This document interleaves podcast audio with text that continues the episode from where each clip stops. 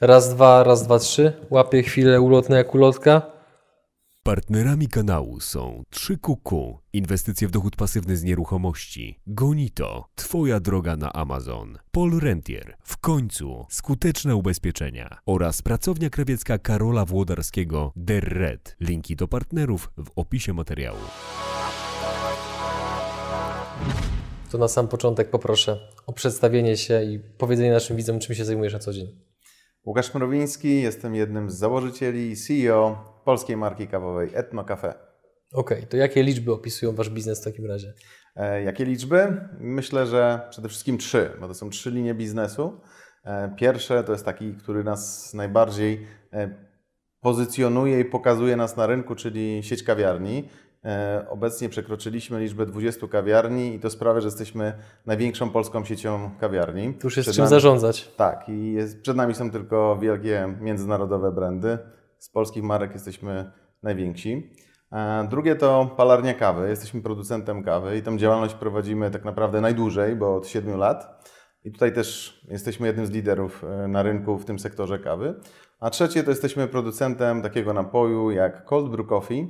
To jest napój kawowy zrobiony z wody, z kawy, ewentualnie jakichś dodatków, który bije rekordy popularności w Stanach Zjednoczonych Ameryki Północnej, a w Europie jeszcze raczkuje, a my jesteśmy pierwszym takim producentem e, w Polsce i jednym z pierwszych w Europie. No Teraz jak to się stało, że po, jak dobrze pamiętam, 12 latach bycia prawnikiem, nie wiem czy się nim kiedykolwiek przestaje być, ale po 12 latach wykonywania zawodu prawnika związałeś się z tym biznesem, który rozwijasz obecnie. No, nieczęsto się słyszy, żeby ludzie z tego sektora robili aż taki zwrot. E, Zwroty robi się chyba we wszystkich sektorach, tylko zawsze to są raczej wyjątki niż, e, niż e, jakieś reguły. U mnie było to mm, w ten sposób, że zadecydował o tym przypadek, choć ja wszędzie mówię, że ja nie wierzę w przypadki. To jest gdzieś ręka Pana Boga, który nas kieruje w lewo, w prawo, a my sobie tą drogę albo wybieramy, albo, albo ją jakoś tam blokujemy. No i w moim przypadku było to tak, że e, w 2010 roku przyjechał na studia doktoranckie do Krakowa na Uniwersytet Jagielloński pewien Etiopczyk, Nathaniel Hamda, który okazał się, że jest nie tylko doktorantem, ale jest także przedsiębiorcą. Ma dwie spółki inżynierskie w Etiopii, no i bardzo chciał rozwijać jakiś biznes w Polsce. E, W związku z tym, że on usiadł biurko w biurko z moim szwagrem, no to zaczął go wypytywać o możliwość e, robienia różnych biznesów pomiędzy Polską a Etiopią. Pomysły były bardzo różne, bo z jednej strony jakiś eksport fotowoltaiki, z drugiej strony import skór, e, import jakichś zbóż, bardzo, bardzo dziwne sprawy. Bardzo odległe branże w ogóle. Bardzo odległe, no ale po prostu szukaliśmy. Oczywiście znaczy on możliwości. głównie szukał tego, co, co mógłby robić. Natomiast e, Sebastian wtedy za bardzo nie siedział w biznesie, więc mówi: To spytaj Łukasza, mówi do Natrena, spytaj Łukasza, on ci pomoże coś posprawdzać. No ja mu tak sprawdzałem, ale trochę nam zabrakło zabrakło e, czasu, zabrakło zaangażowania, żeby te tematy dalej pociągnąć, ale gdzieś tam w trójkę e, się spotykaliśmy, ta nasza znajomość się rozwijała, a Nathaniel przywoził z sobą z Etiopii e, kawę. I ta kawa była strasznie smaczna, to było zupełnie coś innego niż my znaliśmy. E, Ja wówczas piłem bardzo dużo kawy, ale to moja, moja znajomość była ograniczona do tych marek, które wszyscy znamy ze sklepów, plus różne wariacje z tą kawą, czyli kawa z cukrem, kawa bez, czarna, biała, e, dobra, niedobra i to, i to wszystko. A tutaj nagle człowiek z Etiopii przywozi coś, a mówimy, wow, kurczę, jakie to dobre, nie?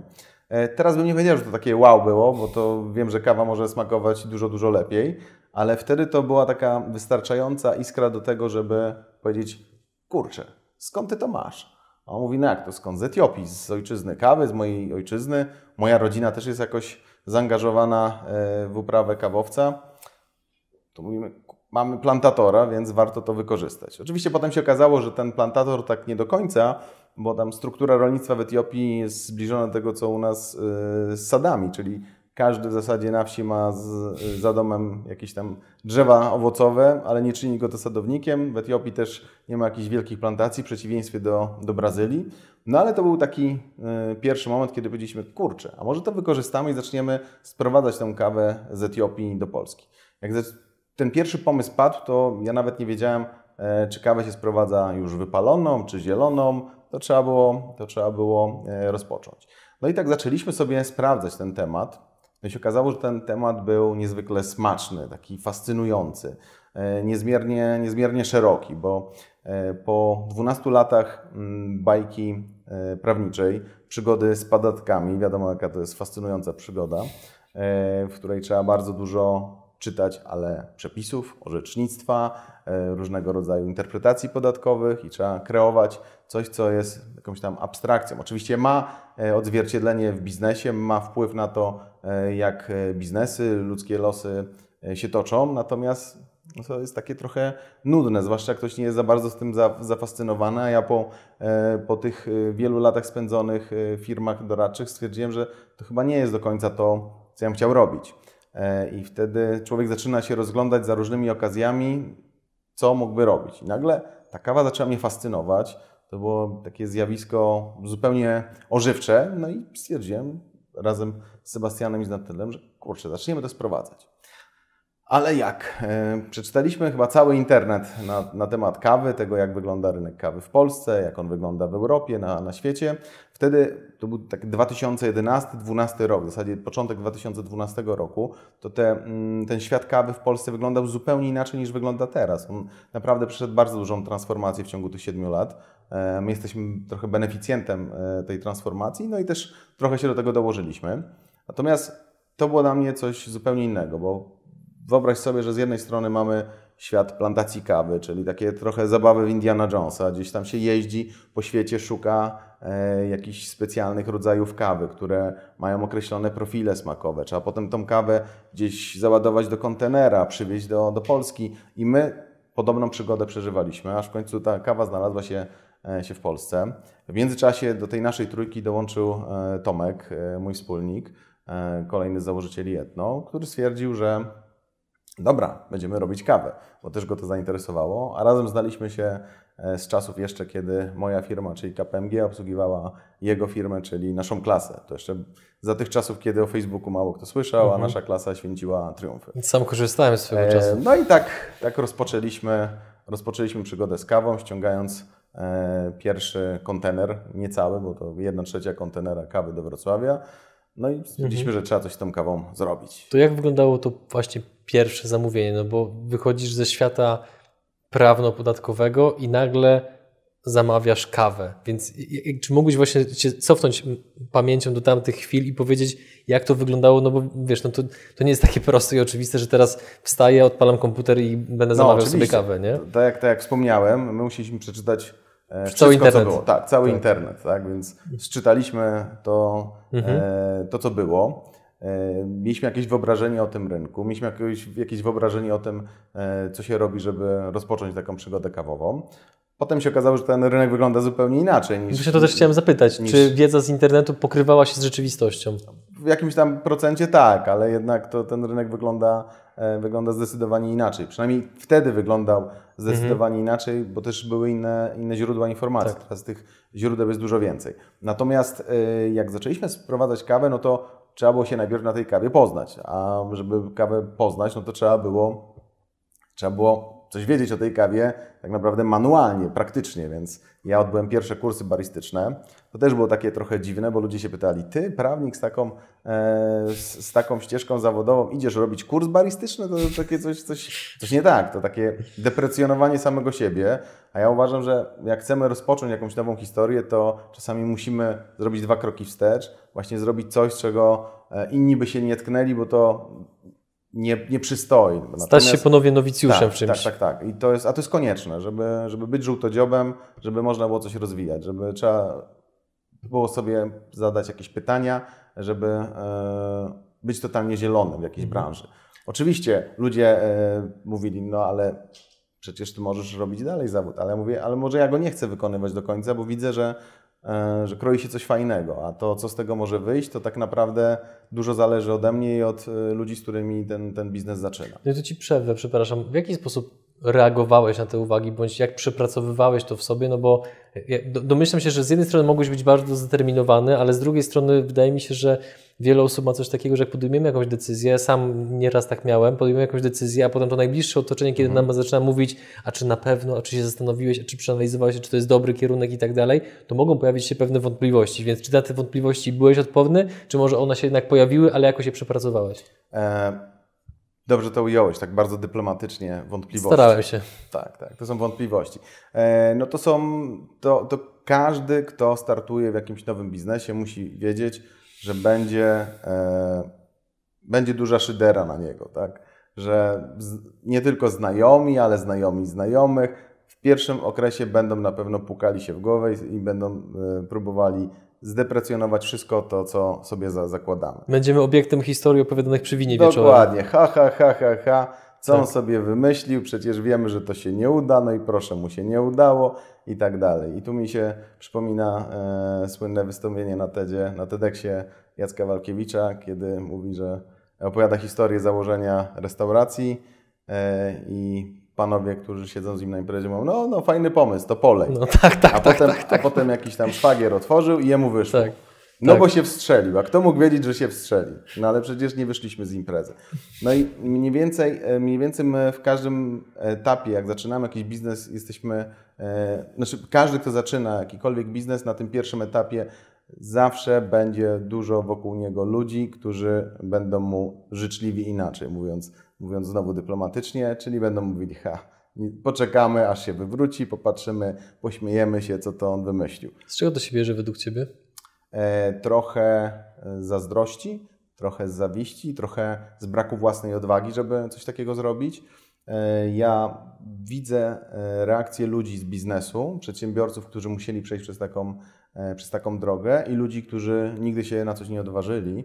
I wiem, że przedsiębiorcy bardzo często podchodzą do tego z wielkim uznaniem, bo wiedzą, że sami zrobili coś podobnego, że to są rzeczy, które ich spotkały i doceniają tą odwagę, łamanie pewnych schematów, które e, dana osoba mogła przejść. I ja przechodząc tą całą drogę, wiem e, w tej chwili, jak widzę jakiegoś młodego przedsiębiorcę, albo nie młodego, ale kogoś, kto zaczyna po prostu jakąś historię, bo e, to może być porucznik kolonel, który rozpoczyna przygodę z Kentucky Fried Chicken w wieku chyba bodajże 65 lat. Tak, tak. E, I z niego też się pewnie ludzie śmiali, a on zrobił swoje. I jednak ten świat przedsiębiorców wie o tym, że to są bardzo duże wyzwania, które wymagają bardzo dużo cierpliwości, samozaparcia i właśnie takiej odporności na różnego rodzaju e, docinki, różnego rodzaju krytykę, bardzo często e, bardzo brutalną, bo, bo ludzie, z, nie tylko Polacy, znaczy my jesteśmy specjalistami w Polsce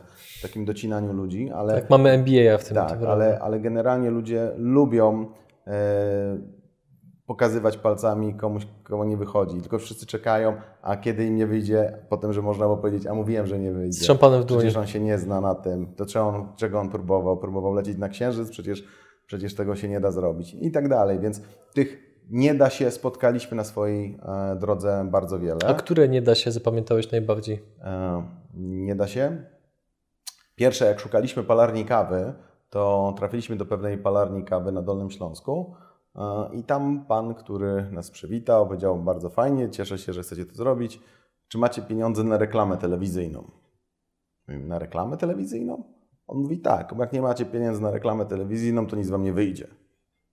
Mówimy, no to dziękujemy za, za poradę, ale uważamy, że to był 2012 rok. Reklama telewizyjna chyba nie jest najskuteczniejsza, żeby, żeby takie coś osiągać. Mamy masę innych, ma, masę innych pomysłów na to, jak się wypromować.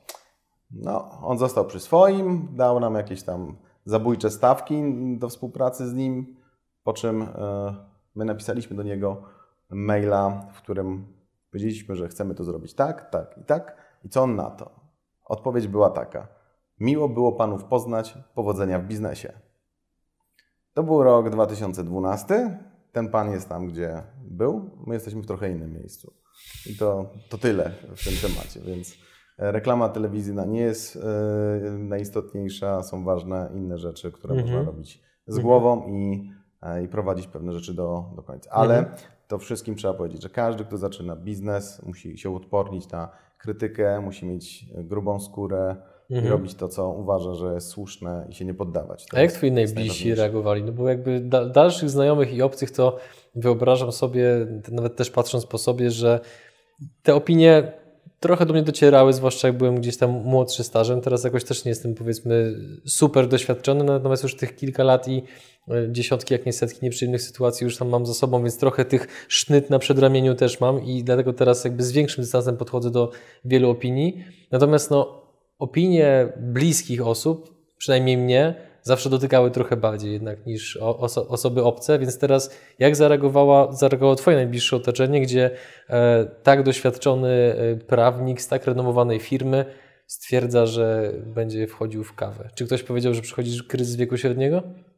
E, takiego czegoś nie usłyszałem, ale, ale najbliższe otoczenie też tak trochę patrzyło, że to jest jakaś taka bajka Łukasza, którą sobie wymyślił. Jakaś fanaberia. E, tak, fanaberia. No i poczekajmy, aż mu przejdzie ten, ten zapał, poczekajmy, aż to się tam mhm. wszystko rozejdzie po kościach i wróci do swojego. Nie? Natomiast mnie na tyle ten świat wciągnął, że ja nie, zamierzałem, za, nie, za, nie zamierzałem w ogóle z tego rezygnować. Co prawda przez pierwsze dwa lata to była trochę karkołomna dyscyplina dla mnie, bo ja ciągnąłem równolegle doradztwo podatkowe okay. i świadkawy, bo świadkawy nie dawał nam jeszcze żadnych pieniędzy, które które można by było mhm. w jakiś sposób przeznaczyć po prostu na życie. A mhm. wtedy miałem już i żonę, i, i córkę. E, syn dopiero potem się pojawił, więc trzeba było e, za coś żyć. Więc mhm. równolegle e, wykonywałem działalność tą pierwszą moją wyuczoną. I tu był o tyle taki problem, bo jak się dekoncentrujemy i prowadzimy dwie rzeczy równolegle, to zazwyczaj to jest nic nie robimy na 100% i to, i to widać bo ja widziałem, jak moja jakość zaczęła spadać e, w prowadzeniu, e, w prowadzeniu tej pierwszej działalności prawniczej, e, a z drugiej strony nie miałem tyle czasu, żeby w 100% poświęcić się mhm. rozwijaniu firmy kawowej i ona też się na początku nie rozwija tak jak należy. Dopiero po dwóch latach gdzieś tam się doczołgaliśmy do określonego momentu. Ja już wystawiłem ostatnią opinię podatkową, zostawiłem mhm. ten świat za mną i poświęciłem się w 100% kawie. A teraz tak naprawdę to e, kawa to nie jest, firma kawowa to nie jest rozwój kawy samej w sobie, tylko to jest rozwój przedsiębiorca, w którym my w tej chwili zatrudniamy 250 osób wow, e, z, jest... trzech, z trzech różnych segmentów e, mhm. biznesu. Mhm. No i trzeba tą machinę cały czas w jakiś sposób nakierowywać. Mhm. Ja mam fantastycznych ludzi na, na pokładzie.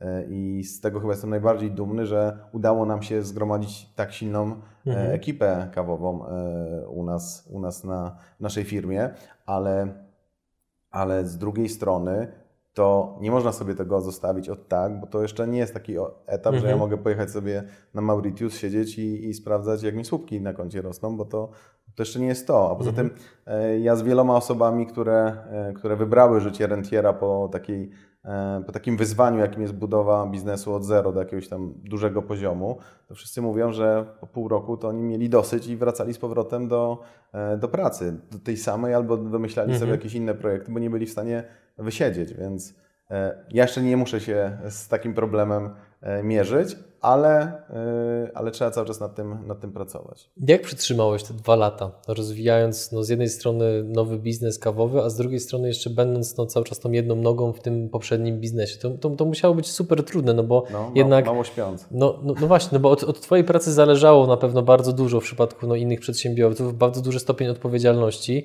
E, no i, i, i, z jednej strony mamy powiedzmy taką branżę, no umówmy się, dość konserwatywną, jaką jest powiedzmy cała bra, bra, bra, branża prawna, tak.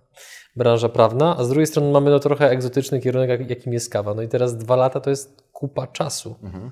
Jak to przetrzymałeś? No, y, jest jedna, jest jedna rzecz, której się nauczyłem przez te wszystkie lata wcześniejsze, e, a głównie nauczyłem się tego w KPMG, czyli w jednej z firm z tak zwanej Wielkiej Czwórki. E, te firmy e, uczą ludzi pracować bardzo ciężko, i bardzo mocno pod presją czasową i praca 24/7 e, w tych firmach nie jest niczym, e, niczym niezwykłym. I jak człowiek się nauczy pracować w takim rytmie, to potem jest gotów na różnego rodzaju wyzwania. No i ja też byłem gotowy na takie wyzwanie. I ja po prostu dużo pracowałem zarówno jako prawnik, dużo pracowałem jako przedsiębiorca. No i tak składałem to do kupy. Oczywiście mało śpiąc, mało wypoczywając. Te pierwsze dwa lata były no, dosyć ciężkie, ale jakoś się przebrnęliśmy. Więc... No i teraz właśnie pytanie, jakby ja rozumiem ciężką pracę, natomiast ciekawi mnie, na ile taka ciężka praca albo umiejętność ciężkiej pracy to jest rzecz do wypracowania, a na ile to jest mimo wszystko praca kosztem zdrowia i samopoczucia?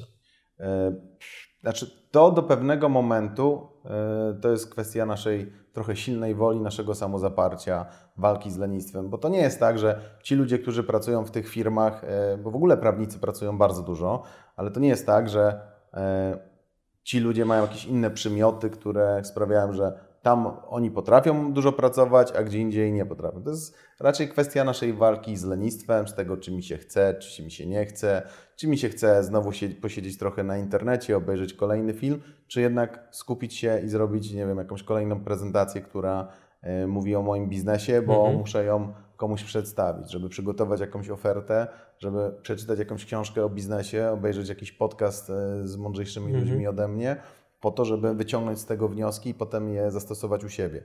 Bo jeżeli ktoś chce prowadzić biznes, to, to mówmy się, nikt nie rodzi się ani prawnikiem, ani przedsiębiorcą.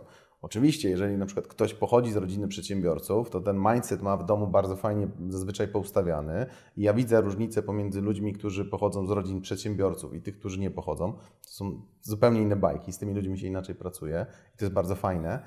E, I tego, to, to, to trzeba sobie dziś e, zakodować w głowie. To jest programowanie siebie na poziomie, na poziomie e, podświadomości, świadomości i tego, co robimy. I w pewnym momencie e, trzeba dokonywać wyborów. Czy jest takie dobre określenie, ja nie pamiętam, kto je powiedział, że jeżeli ktoś chce mieć fajne życie, to najpierw musi ciężko pracować, Chyba, że ktoś chce mieć e, łatwe, łatwą pracę, to wtedy będzie miał ciężkie życie na koniec. Mhm. E, trochę przekręciłem, ale mniej więcej to tak, Znam tak to wygląda. Tak. Mhm. E, ono jest dobrze ułożone i, tak, i tak. nawet wi pewnie wiadomo, kto je, kto je powiedział, ale, ale Hard sobie... choices, easy life, easy choices, hard life. Coś takiego. Tak, dokładnie. Mhm. Więc jeżeli wiemy, jeżeli potrafimy sobie trochę odpychać do przodu, do, na przyszłość pewną nagrodę, to wtedy, e, to wtedy jesteśmy w stanie pracować. A jeżeli ktoś wybiera tą nagrodę wcześniej, właśnie tą nagrodą jest obejrzenie kolejnego serialu, e, pójście z kolegami na piwo. Ja sam wiem, bo ja na przykład dużo czasu spędziłem na studiach w ten sposób.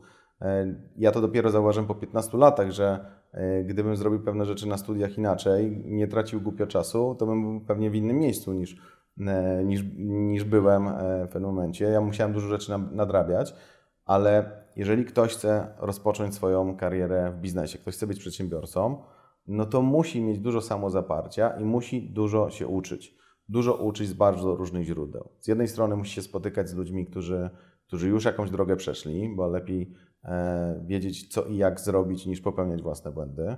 My, my Etno Cafe rozwijaliśmy, teraz jest siódmy rok, jak my to rozwijamy, ale pierwsze trzy lata tak naprawdę to było uczenie się na swoich błędach.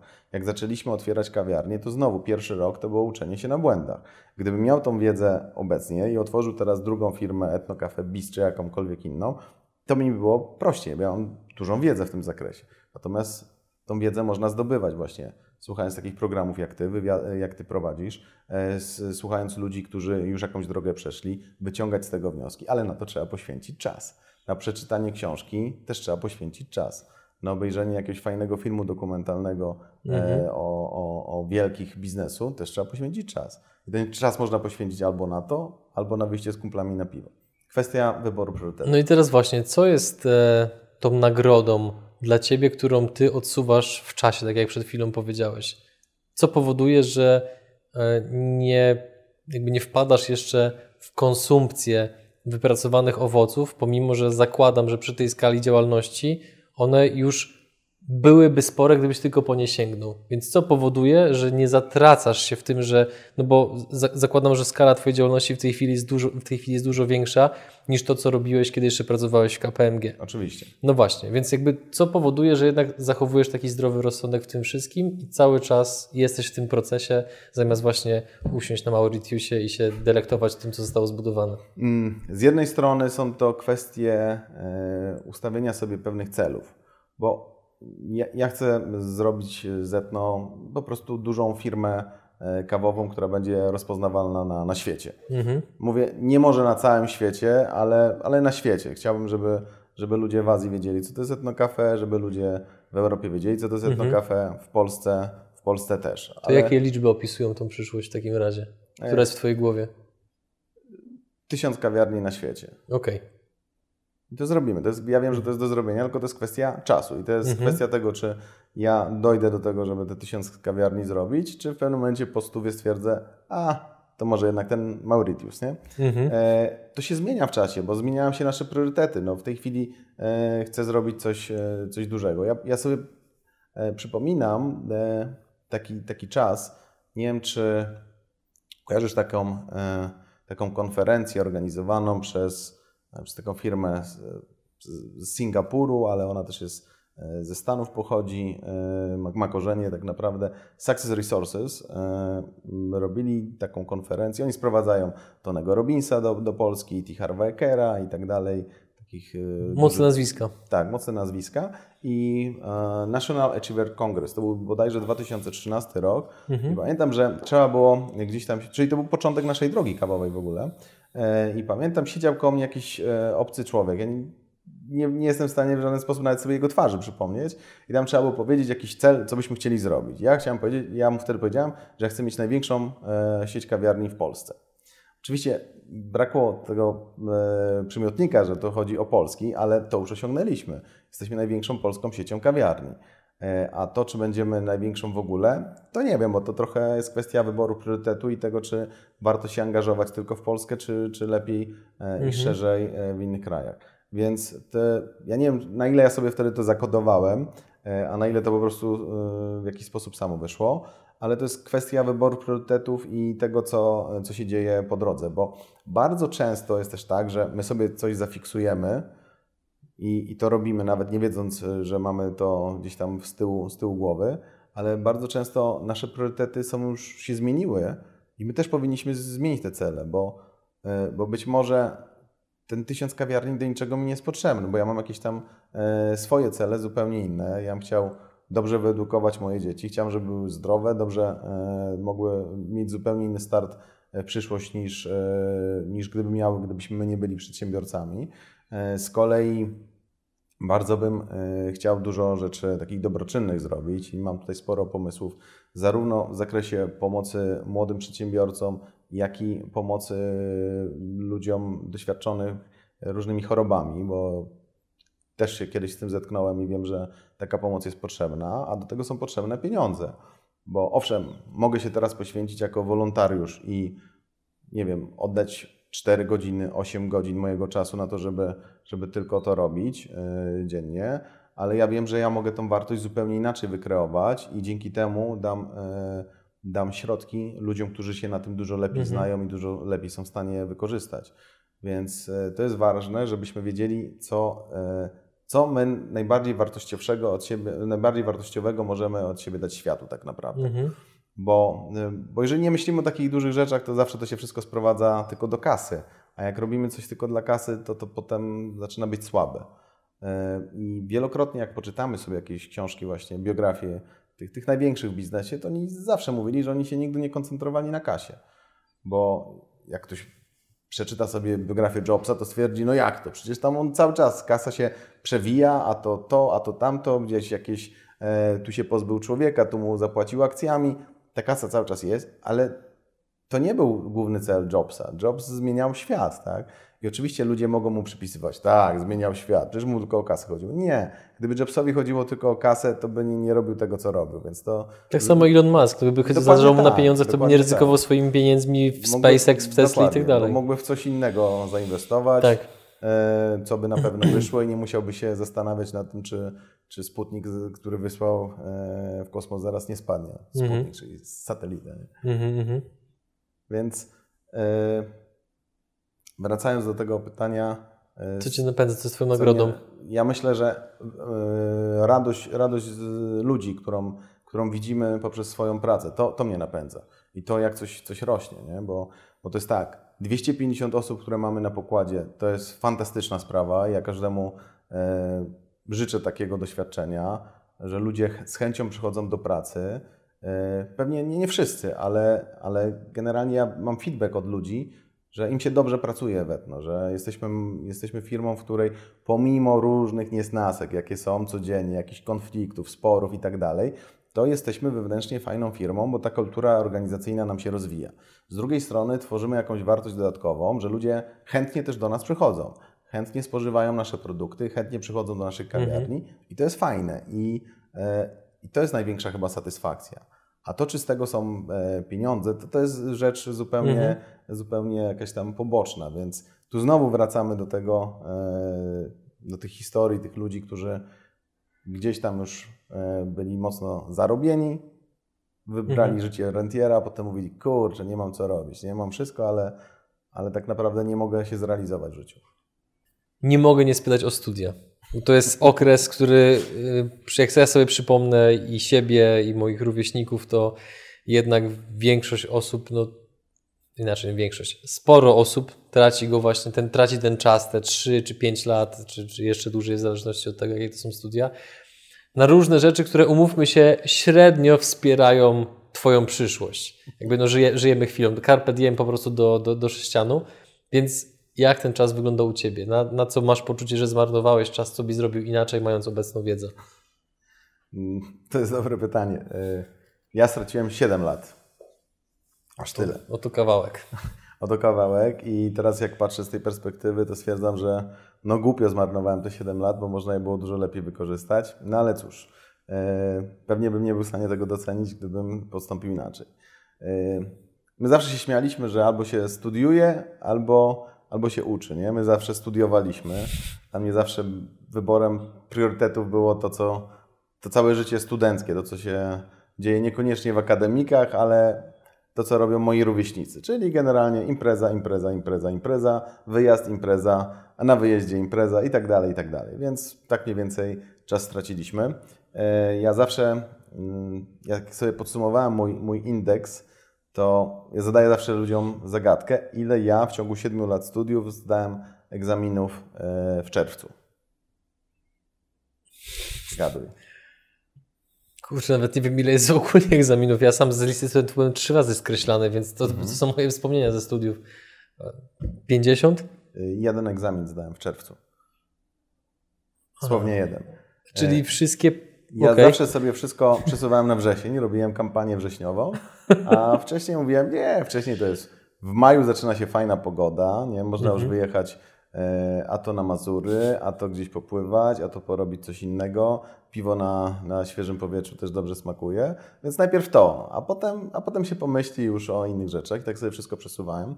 E, przepraszam, drugim egzaminem, który zdałem w czerwcu, była obrona pracy magisterskiej, czyli, ale tego nie liczę jako egzamin. No i no i tak się, tak się działo, tak się gdzieś tam ślizgaliśmy po studiach. Byli z jednej strony nasi koledzy studenci, którzy chodzili na każdy wykład, e, robili notatki, chodzili na, na kolokwia i tak dalej, i tak dalej, na ćwiczenia. E, na prawie, przynajmniej wtedy w Łodzi były tak dzienne studia ułożone, że e, my nie, nie było wykładów obowiązkowych. Więc my je sobie bardzo szybko omijaliśmy, omijaliśmy po co po co chodzić na wykład, skoro można to przeczytać w książce albo od koleżanki, dobrej koleżanki, która da nam kserówkę. E, na ćwiczenia można było sobie tak ułożyć, że miało się je w ciągu jednego dnia, więc pozostałe dni wolne. Więc była masa czasu do trwonienia, więc trwoniliśmy czas. E, z drugiej strony ja miałem ten e, zaszczyt, że przyjęto mnie na studia dzienne, inaczej stacjonarne. No ja bym, znaczy wszyscy byliśmy tacy dumni, że my jesteśmy lepsi od tych wieczorowych, od tych zaocznych, bo my to jesteśmy mega mózgi, nie? I my to potrafimy niesamowite rzeczy, bo jesteśmy na dziennych. A ci, którzy byli na wieczorowych, byli na zaocznych, to w tym samym czasie, oprócz tego, że musieli mocno spiąć cztery litery, żeby studiować, to jeszcze pracowali. Więc budowali sobie dwie kompetencje. Jak oni wchodzili na rynek pracy, to nie byli gotowi do pracy, a my byliśmy totalnie zieleni, nie wiedzieliśmy, co mamy robić. Ja dopiero jak zaczynałem przy, przyjmować pracowników tak naprawdę do swojej pracy, jak gdzieś tam zacząłem uczestniczyć w pierwszych rekrutacjach, to zdałem sobie sprawę z tego, że ci absolwenci studiów stacjonarnych, studiów dziennych, to często nie mają pojęcia o pracy, a ktoś, kto przychodzi ze studiów e, wieczorowych, który też musiał pracować, on jest zupełnie inaczej poukładany i tam jest dopiero wartość, a nie wśród tych najlepszych studentów studiów dziennych. Oczywiście ja tu generalizuję, bo są, są różne przypadki, ale jednak e, no, ten czas my, my straciliśmy, a inni go, go zyskiwali. E, tak, tak dobrze mi szło przez pierwsze trzy lata, że ja sobie po prostu e, robiłem, co chciałem ze studiami, aż w końcu niestety oblałem najważniejszy egzamin w czasie toku studiów na, na, Uniwersytecie Łódzkim na Wydziale Prawa, egzamin zobowiązań, czyli druga część prawa cywilnego, no i wtedy miałem tak zwaną repetę. No i na tej repecie musiałem się zastanowić, co trzeba robić, no ale jakoś tam nie, nie dotarło to do mnie E, zbyt mocno. Ja wtedy bardzo dużo pływałem. E, pływałem po, po morzach, różnych oceanach, po Bałtyku zimą, po Bałtyku e, latem, więc głównie tak ten czas spędzałem, więc jakąś tam kompetencję budowałem, ale ona póki co nie przydała mi się zbytnio w życiu zawodowym. W życiu prywatnym mm, tak, ale w życiu zawodowym nie. A w studiach chyba chodzi raczej o to, żeby wykształcić jakieś kompetencje zawodowe. Więc Generalnie ten czas traciłem. Potem, jak poprawiłem ten rok, to kolejny rok czekałem na mojego przyjaciela, który miał repetę rok wyżej, więc on na mnie czekał, potem ja na niego. No i tak sobie te 7 lat spędziliśmy. I przez te 7 lat to naprawdę można było dużo zrobić. Ja jeszcze miałem e, takiego pecha, że mieszkałem 300 metrów od Wydziału Prawa i obok nas była taka knajpa, która się nazywała Gruzin, w której było dobre piwo i obiady. No i wszyscy, którzy wpadali, to mówią, a, to wejdziemy najpierw po, po Łukasza, a potem, a potem zejdziemy na piwo. I ja naprawdę nie miałem warunków do nauki, bo codziennie ktoś do mnie przychodził. A to, a to wypić piwo, a to pogadać, po prostu dekoncentracja non-stop, przez, tak w zasadzie przez 7 lat. No a potem to się jakoś odbijało. No, no ale w końcu te, te studia skończyłem, nie będąc jakimś orłem. No ale mm, wchodziłem na rynek pracy zupełnie inny niż jest obecny, bo bo tak naprawdę to ze studiów w tej chwili ja uważam, że najważniejszą rzeczą, jakiej ja się nauczyłem, to to, że mając dużo czasu pojechałem e, w 2000 roku na, do pracy w Londynie. Do pracy na czarno, to jeszcze przed wejściem do Unii Europejskiej.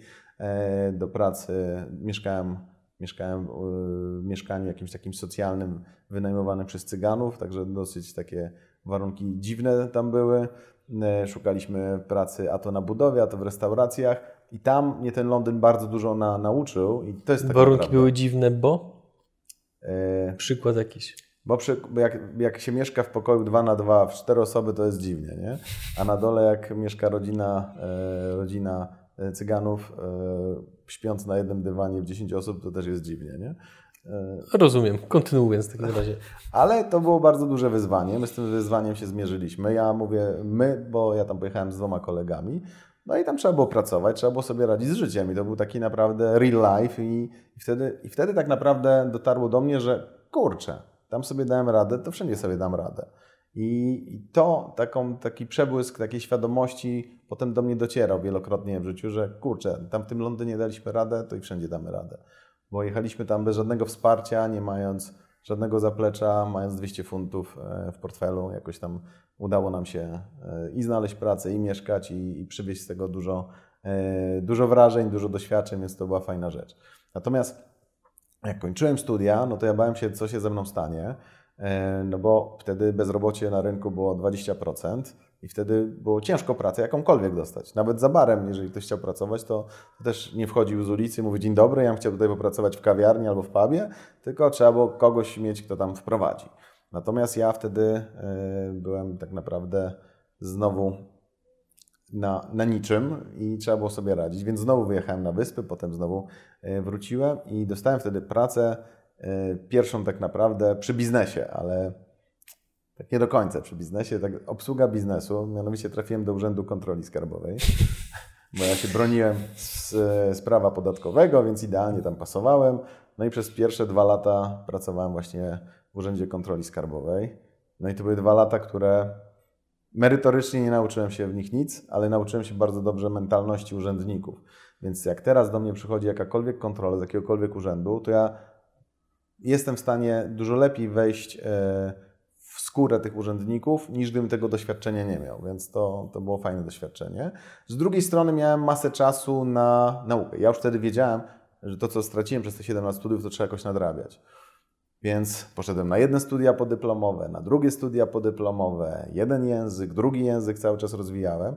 No i dzięki temu zbudowałem sobie dosyć, dosyć fajne CV do tego, że e, przyjęto mnie właśnie do KPMG, do nowego biura we Wrocławiu. No i tam wskoczyłem do firmy, która już się rzeczywiście zajmowała biznesem. I to było jak wylądowanie na obcej planecie. Bo rzeczywistość w urzędzie, a rzeczywistość w firmie, której urzędowy jest angielski, która cała zinformaty- zinformatyzowana, oparta na procedurach, na profesjonalizmie, to jest naprawdę ciężki szok. E, no ja ten szok przeżyłem, ale jakoś udało mi się tam zaadaptować i udało mi się tam nauczyć ciężko pracować, bo to jest niezmiernie ważne e, w życiu każdego przedsiębiorcy. Bo jeżeli ktoś chce robić biznes i nie chce ciężko pracować, to mogę się założyć o dobrą whisky, że na pewno mu ten biznes nie wyjdzie. Aczkolwiek są takie przypadki, że wychodzą pomimo, biznesy wychodzą pomimo, że ktoś ciężko nie pracuje. Ale to są tylko przypadki i raczej wyjątki potwierdzające reguły. No to właśnie teraz wracając do biznesu.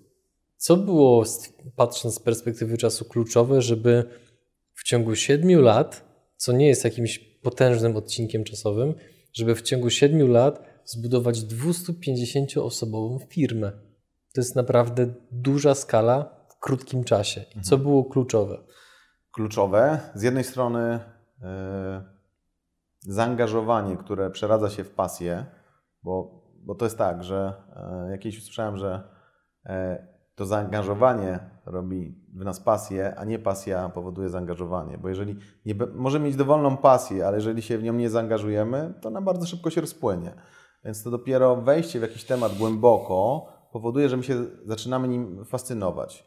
Oczywiście, jeżeli temat y, nas w jakiś tam sposób nie rajcuje, no to zaangażowanie nic nie pomoże, bo jak ja bym się zaczął zajmować fizyką kwantową, to, to raczej y, nie byłaby to moja pasja, ale kawa to mówię, to, to było jakaś zupełna przeciwwaga dla, dla prawa. To było coś bardzo smacznego, takiego pachnącego podróżami, ale z drugiej strony tam wiele rzeczy prawnych, biznesowych się pojawiało. Bo jak zamawialiśmy ten kontener, to tam znajomość E, różnych procedur, znajomość środowiska międzynarodowego bardzo mi się przydała. I gdyby nie moje doświadczenia międzynarodowe właśnie z pracy, e, z pracy w KPMG, to pewnie by było mi dużo ciężej sprowadzić taki, e, taki kontener, rozmawiać z Etiopczykami, nawiązywać kontakty z innymi kulturami, bo ja wcześniej bardzo dużo obsługiwałem Koreańczyków, Japończyków, więc dla mnie zderzenie z inną kulturą nie było czymś nowym. Oczywiście Etiopia to jest zupełnie inny kraj, inny kontynent i to jest jeszcze inna kultura, ale nie była dla mnie takim wielkim szokiem. Ja się potrafiłem szybko do tego zaadaptować. Czyli cytując już wspomnianego dzisiaj Jobsa, kropki po prostu połączyły się wstecz tak, dokładnie, i tak. wszystkie Twoje doświadczenia tak naprawdę były fundamentem, że byłeś w stanie wejść tak, tak mimo wszystko skutecznie w biznes kawowy. Mm, tak, aczkolwiek ja bym też e, nie przeceniał tego, że bo, bo prawnik to mu wyszło. Nie, nie, nie. To mhm. gdyby nie moje zaangażowanie, E, wejście w temat e, kawowy, w temat rozwoju biznesu, bo to z jednej strony trzeba było się bardzo mocno nauczyć o kawie, bo to nie jest tak, że ja stwierdziłem, że a, kawa to jest dobry biznes, tam są duże marże i tak dalej, bo to jest bardzo często takie podejście. Zresztą mhm. teraz je widać, bo powstaje masa różnych palarni, bo ktoś popełnia błąd taki pierwszy poznawczy, my też go popełniliśmy, że jak kawa zielona kosztuje na przykład taka E, powiedzmy jakiejś tam standardowej jakości kilka, kilkanaście złotych, a ją potem sprzedajemy za 80-100 złotych, no to przecież na kilogramie kawy ja jestem w stanie zarobić kilkadziesiąt złotych. A jak sprzedam 10 kilogramów, to będzie ile? Kilkaset złotych. A jak sprzedam kilkaset kilogramów, to będzie kilka tysięcy. A przecież to sprzedam, nie ma problemu.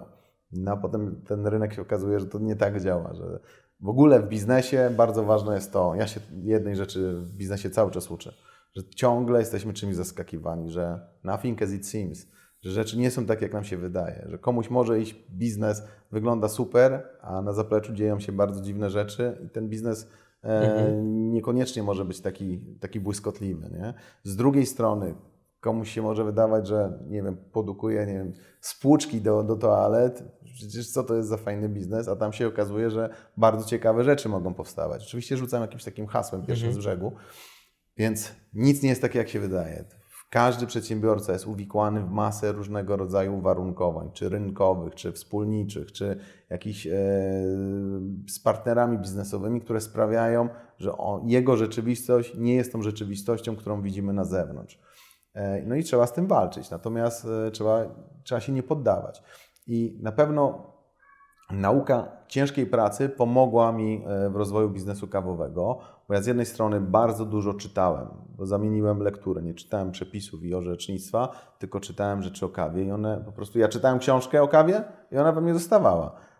Praca prawnika to jest dużo pamięciówki, nie? Natomiast tutaj ja nie musiałem książki powtarzać. Ja po prostu ją czytałem i zapamiętywałem. Szedłem na szkolenie i po prostu chłonąłem jak gąbka. Więc ja bym nie zrobił tej pracy, gdybym nie wszedł bardzo głęboko w temat kawy. Ja cały czas się śmieję, że e, jestem, na pewno mam, je, jestem numerem jeden w Polsce w jednej dziedzinie. Jestem najlepszym kawiarzem wśród prawników i najlepszym prawnikiem wśród kawiarzy, bo nie ma drugiej osoby, która łączy tak głęboko te dwie kompetencje. E, przynajmniej ja nie znam. Jeżeli ktoś, e, jeżeli ktoś zna taką osobę, to ja z chęcią ją poznam, wymienię się doświadczeniami, to wtedy będzie mhm. nas, e, nas dwie osoby. Natomiast mam taką swoją dziedzinę, w której jestem najlepszy. Natomiast trzeba wejść odpowiednio głęboko w ten temat, żeby ten temat rozwinąć. Więc z jednej strony merytorycznie rynek kawowy, świat kawy, yy, zarówno jak działa kawiarnia, jak działa plantacja, jak co to jest kawa, jakie są rodzaje palenia, jak się tą kawę yy, potem przyrządza, się, jakie są szczegóły, jakie są niuanse po to, żeby, yy, żeby się tą kawą opiekować. To trzeba było wejść, ale z drugiej strony to jest normalny biznes. Kawa to jest tylko platforma. My natomiast musieliśmy rozwinąć biznes. Więc żeby ten biznes rozwijać, to trzeba było też chłonąć po prostu e, bardzo dużo różnych szkoleń, bardzo dużo różnych e, informacji, które przychodziły od wielu innych osób i próbować czegoś robić. Oczywiście e, każdą firmę, jak się ogląda, która gdzieś jest na świeczniku, która gdzieś osiąga sukcesy, to ludzie widzą tylko te sukcesy, tylko ten bright side, a tak naprawdę to tam jest masa różnego rodzaju top. E, strasznych rzeczy, które gdzieś tam się po drodze stały, jakichś problemów, przez które ludzie musieli, musieli przejść. Tego się nie widzi, ale gdyby nie ten cały bagaż doświadczeń, to by nie było tych, tych fajnych wszystkich firm, które To który, tak... który wspominasz najbardziej, przynajmniej ten, o którym możesz powiedzieć? Bo zakładam, że ten najmocniejszy na pewno o nim nie możesz powiedzieć jak większość przedsiębiorców, więc chociaż ten, który możesz. E, jest wiele takich fuck-upów, natomiast uważam, że one wszystkie wynikają z jednej rzeczy. Z braku naszej koncentracji i nie pochylenia się nad jakimś tematem w odpowiedni sposób. Bardzo często, e, wszędzie tam, gdzie popełniliśmy największe błędy, to były sytuacje, w których stwierdziliśmy, a jakoś to będzie. Nie przeanalizowaliśmy tematu, bardziej poszliśmy na żywioł, bardziej zaufaliśmy e, komuś, kto coś mówił albo miał coś dla nas przygotować. I to często się wydarza w bardzo profesjonalnych dziedzinach, gdzie, gdzie mamy podmioty profesjonalne, prawników, jakichś doradców, jakieś domy maklerskie, gdzie zaufamy komuś, wiemy, że on ma to zrobić, a potem się okazuje, że on tego nie zrobił. Albo zrobił coś zupełnie innego, albo jakoś jest byle jaka. I tak naprawdę my potem ponosimy konsekwencje tego. A dlaczego? Bo komuś zawierzyliśmy, bo nie pochyliliśmy się odpowiednio nad tym tematem, a potem mhm. musimy, my jesteśmy głównym beneficjentem wszystkich złych rzeczy, jakie z tego e, wychodzą. Z drugiej strony też bardzo często e, brak koncentracji to jest też brak koncentracji e, na, na tej jednej rzeczy. Ty miałeś chyba jakiś taki wywiad właśnie. Tak, tak. Z, e, nie pamiętam nazwiska. E, Wiesz co, to jest akurat taki motyw, który się powtarzał w tak, wielu wywiadach. I koncentracja na jednej tak. rzeczy jest bardzo wskazana. Jak się rozdrabniamy, to nigdy mhm. nie robimy niczego dobrze. A jeżeli wchodzimy coraz tak. głębiej w jakiś temat, koncentrujemy się na nim, to on się potem rozwija. Aczkolwiek ktoś też może powiedzieć, mhm. że ja tak naprawdę nie jestem do końca skoncentrowany na jednym temacie, bo pomimo, że my jesteśmy firmą kawową, to my prowadzimy de facto trzy bardzo różne biznesy na trzech różnych rynkach i one mają pewną wspólną, e, wspólny mianownik, czyli brand Etno Cafe, y, jest między nimi bardzo dużo synergii, to to są trzy różne biznesy i trzeba je umiejętnie łączyć. Ale już lepiej je nie, nie dzielić potem na czwarty biznes, piąty, szósty, tylko skoncentrować się, żeby te trzy były, były trzema. Nie? Mhm. To jeszcze trochę podrążę, bo jednak chciałbym, żebyśmy tutaj powiedzieli jakąś historię, anegdotę właśnie obrazującą a tą taką pomyłkę wynikającą być może z niedostatecznego, niedostatecznego sprawdzenia czegoś, braku koncentracji i tak dalej. No to myślę, że mam taką. E, jak myślisz, gdzie mała palarnia rozpoczynająca swoją działalność we Wrocławiu może znaleźć swoich klientów? Hmm. Znaczy, no za... Ale chodzi o zamówienie kawy, czy, czy o... No, potrzebujesz, żeby rozwijać swoją działalność, potrzebujesz klientów. Na razie jeszcze kawiarni nie było, bo to jest Okej. etap, kiedy rozwijamy tylko palarnię, szukamy odbiorców, którzy będą kupowali naszą kawę, konsumowali ją u siebie w domu, w restauracji, w, w kawiarni, w biurze, obojętne. Biurowce w Polsce, w jakichś powiedzmy dzielnicach biznesowych i tak dalej? Na początek może nie mam pojęcia tak. No, trochę, no, in, intuicja- trochę odwróciłeś teraz rolę, więc szanuję, Dobrze. szanuję. Intuicja dobrze Ci podpowiada, natomiast nam intuicja podpowiedziała, że targetem są Chiny. Chiny. Tak, na początku. Tak, że na początku najlepiej wysyłać kawę do Chin, bo Chińczyków jest dużo, e, prawda, tam się rynek kawowy dopiero będzie rozwijał, więc jak my zaczniemy sprzedawać tam market no kafe, to każdy Chińczyk się na to rzuci, a jak sobie weźmiemy, że jeden Chińczyk kupi na jeden rok jeden kilogram kawy, to to jak pomnożymy przez ich e, wielkość populacji, to my i tak będziemy bardzo dobrze. Oczywiście to tak nie działa, nie? Ale my stwierdziliśmy, że trzeba z tym ruszyć. No i jeździliśmy na różne targi, e, staliśmy jak takie ostatnie siroty na, na targach Sial, na targach jakichś tam e, innych chińskich, na takim bardzo dziwnym stoisku, na którym byliśmy my. I jeszcze inni ludzie nam podpowiadali, kawa to fajnie, ale dołóżcie jeszcze czekoladę. Czekoladę? No dołóżcie, bo Chińczycy lubią czekoladę. No dobra, to dokładamy czekoladę. Wiecie co? Fajnie, że jest kawa, czekolada, ale dołóżcie wodę, bo w Chinach brakuje wody dobrej mineralnej. No to dobra, dokładamy wodę. No i stoi takie stoisko samotne na, na targach w Chinach, które ma wodę, kawę i ma jeszcze dodatkowo czekoladę. No i jak się, co się dzieje? Nic się nie dzieje. Miszmasz, no jakby Totalny miszmasz, w ogóle tam zero jakiegokolwiek brandingu. Ludzie tak przychodzili, patrzyli na nas, ok. Sprzedaliśmy trochę wody. E, Wody sprzedaliśmy, bo rzeczywiście natrafiliśmy na jakiegoś tam odbiorcę, który chciał dystrybuować wodę z Polski. My byliśmy tylko pośrednikiem, no i tam trochę kontenerów wody sprzedaliśmy do Chin, ale to wszystko, co, e, co zrobiliśmy. Natomiast e, no, kawę sobie odpuściliśmy i wróciliśmy e, do, do Wrocławia e, z tymi wszystkimi pomysłami. Przy czym ja to teraz powiedziałem, to tak jakby to był jeden incydent, a to nie był jeden incydent, tylko to trwało bodajże dwa lata. My tam mieliśmy specjalne przedstawicielstwo handlowe, biuro, byliśmy porejestrowani tam e, w różnych specjalnych urzędach, więc dosyć w takiej od strony legalno-prawnej to dobrze tam się zorganizowaliśmy, ale totalnie nie wiedzieliśmy, co my tam chcemy robić, jak i, i, i po co. Po prostu przemnożyliśmy sobie e, ilość potencjalnych klientów e, i wyszło nam, że Chiny trzeba zaatakować. Więc takich głupich pomysłów nie należy robić. Ale to naprawdę była jedyna motywacja, że przeliczyliście sobie liczbę mieszkańców razy kilogram, uwzględniając również dzieci i niemowlaki. Okej, super. No może, jakby, może nie, do, jakby, nie dosłownie wiesz, próbuję zrozumieć proces ale, myślowy. Ale zobaczyliśmy, jaka jest wielkość rynku, więc stwierdziliśmy, że okej. Aczkolwiek my teraz do tej Azji trochę wracamy, Mhm. ale na zupełnie innych warunkach, zupełnie w inny sposób, zupełnie z innymi partnerami i, i, i, Mhm. tam nie chcemy sprzedawać kawy, tylko lifestyle, bo, bo Azjaci, e, zwłaszcza, że mamy, e, mamy bardzo dużo znajomych Azjatów, tylko nie, nie z samych Chin, tylko z regionu ASEAN, czyli e, Singapur, Malezja, Indonezja, Wietnam, Filipiny, Tajlandia. E, Oni bardzo lubią e, Europę i wszystko, co pochodzi z Europy. Wszystko, co jest z Europy, jest półkę wyżej niż, niż reszta świata, więc e, jak oni przychodzą do Etno i widzą, jak e, działają nasze kawiarnie, jak wyglądają, to oni mówią, Łukasz, let's bring it to Asia. E, I, I jakoś tam z nimi zaczynamy to robić, ale to już jest zupełnie inny temat.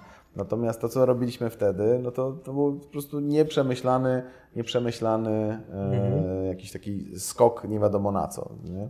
Na, na, na główkę, a pod spodem był, był beton. Nie? No to właśnie, to co jest kluczowe, patrząc z perspektywy tych siedmiu lat, y, kluczowe w rozwoju biznesu, jakby tak no, międzynarodowo I, no, i również ogólnopolsko, no bo jednak działacie w dużej skali. e, ogólnopolsko. Znaczy międzynarodowo ja bym tego nie ujmował, bo my nie działamy na rynku międzynarodowym póki co. My dopiero Czy, ale zamawiacie, to. rozumiem, towar, surowiec z zagranicy, tak? tak? z- y, Natomiast ważna Mhm. jest y, pewna otwartość, kreatywność, nie? bo y, ja znowu wracę, wrócę do tego, co powiedział nam ten, ten pan o tej reklamie telewizyjnej, że jak nie będziecie mieli reklamy telewizyjnej, to nic wam się nie uda.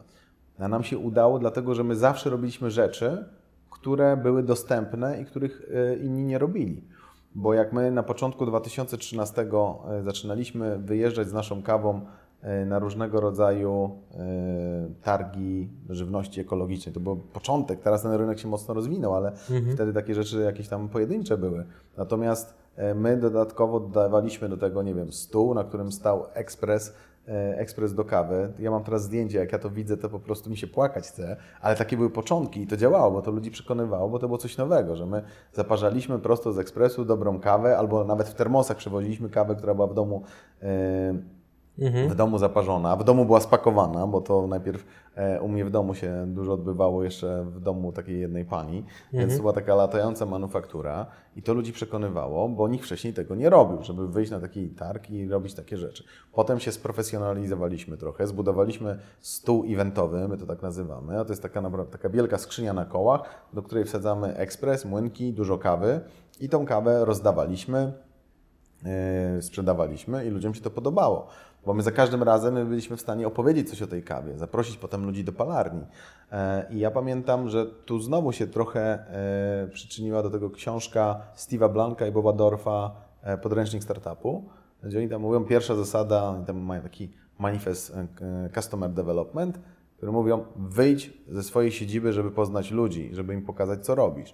No i my to zaczęliśmy robić, że siedząc u siebie w mieszkaniu, czy tam w naszym pierwszym pokoju, gdzie była firma, no to my nie zdobędziemy naszych klientów, my musimy do nich wychodzić. My to skutecznie robiliśmy, że jeździliśmy gdzie się dało jak szliśmy do organizatora jakiejś imprezy sportowej i mówimy, my tutaj wystawimy się z kawą i będziemy tą kawę po prostu e, rozdawać albo sprzedawać tam za jakieś e, małe pieniądze, po to, żeby ludzie mogli to poznać, to mówili, kurczę, nikt czegoś takiego wcześniej nie robił, to proszę, tu jest miejsce, możecie się tu rozstawić, będziecie to sprzedawać. I w tym 2013 roku to takich firm praktycznie nie było. No, była jedna z Warszawy, która jeszcze coś takiego robiła. Teraz jest to pewien standard rynkowy, że palarnie po prostu robią coś takiego, wyjeżdżają do ludzi i się promują. Natomiast my tak naprawdę trochę byliśmy pionierami w tym zakresie.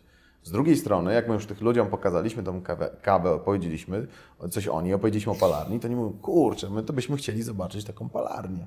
Mówimy, no to zapraszamy. I to też było coś dziwnego, bo w tej chwili w zasadzie każda palarnia chce coś pokazać, jak wygląda ten proces. Bo on jest dosyć spektakularny, tam jest dużo dymu, zapachu i to, to fajnie wygląda. Natomiast w 2013 roku, jak my gdzieś chodziliśmy po palarniach, żeby nam wypalili kawę, zanim jeszcze mieliśmy palarnię, czyli 2012 rok, no to każdy mówi, nie, nie, nie, to jest moje poletko, ja tutaj nie będę karmił konkurencji na, na, mojej, na mojej krwawicy, nic Wam nie pokażę, to jest tajne, koniec. Tu jest piec, to wszystko, co możecie zobaczyć. A my pokazywaliśmy to ludziom, jak to wygląda. Chodźcie do nas do palarni, my Wam to pokażemy. I wszyscy potem mówią, kurczę, jaki to jest fajny proces, jak to fajnie wygląda. I wiele osób, które były deklarowany, zadeklarowanymi przeciwnikami kawy, bo im kawa nie smakowała, nagle jak zobaczyły ten cały proces, mogły dotknąć kawy zielonej, potem kawy wypalonej, poczuły ten, ten dym z tego, z tego pieca, potem tą kawę zaparzyliśmy i oni mówią, kurczę, czy ta kawa zupełnie inaczej smakuje. To ja teraz będę pił tą kawę. Znaczy na razie zamówię dla żony, bo ona lubi, a, a potem się okazało, że ten pan, pani potem wracała i mówiła, Państwo mnie przekonaliście, ja mogę od Was kupować. I my to cały czas rozwijaliśmy, rozwijaliśmy, rozwijaliśmy. I to, że e, zaczęliśmy e, zabawę z kawiarniami, to też jest pokłosie tego właśnie, bo e, ludzie przychodzili do nas, widzieli nas, co my robimy z kawą gdzieś tam na, na jakichś imprezach muzycznych, na zawodach, na konferencjach. Mówią, fajnie, że Wy to robicie, ale my byśmy chcieli mieć kawiarnię, do której można przyjść, można usiąść, napić się Waszej kawy. Kiedy otworzycie? Mówimy, no nie, nie wiem kiedy, no jak przyjdzie czas na to, jeszcze czas nie przyszedł, no to otwierajcie. No i tacy pobudzeni tym dobrym feedbackiem od ludzi, my zaczęliśmy szukać czegoś, co nadawałoby się na naszą kawiarnię, aczkolwiek my od początku chcieliśmy, żeby ta kawiarnia była jakimś takim grubym kopem, żeby to nie była po prostu kawiarnia gdzieś tam na osiedlu, tylko żeby to było coś, coś ekstra. No i znaleźliśmy Okrąglak, czyli taki kiosk, który stoi na e, centralnym miejscu Wrocławia, na placu Kościuszki, który przez 60 lat, bo to jest jeszcze kiosk e, niemiecki, służył za, za kiosk ruchu, a wcześniej po prostu kio- kiosk z niemieckimi gazetami, nagle został opustoszony, bo ruch się stamtąd wyprowadził, a miasto nie wiedziało, co ma z tym zrobić. I ogłosiło przetarg. Żeby zaproponować koncepcję prowadzenia działalności gospodarczej. No my zaproponowaliśmy, że to będzie przedłużenie palarni, w której dużo będzie związków z kulturą, bo my te związki z kulturą zawsze mieliśmy, bo to a to właśnie obstawialiśmy koncerty, a to e, robiliśmy, nie wiem czy, czy kojarzysz taką inicjatywę SoFar, ona na całym świecie działa. E, mhm. Jest aktywna w Warszawie i we Wrocławiu w Polsce, czyli Ludzie się zapisują gdzieś tam do, e, na, na Facebooku do grupy i wiedzą, że będzie koncert. Nie wiadomo, kiedy ten koncert dokładnie będzie, nie wiadomo gdzie, nie wiadomo, kto będzie grał. Czyli taka niespodzianka, przyjdziesz, zobaczysz. No i drugi sofar, jaki był we Wrocławiu, odbył się u nas w palarni. Czyli zrobiliśmy coś, co, czego totalnie nikt wcześniej nie robił.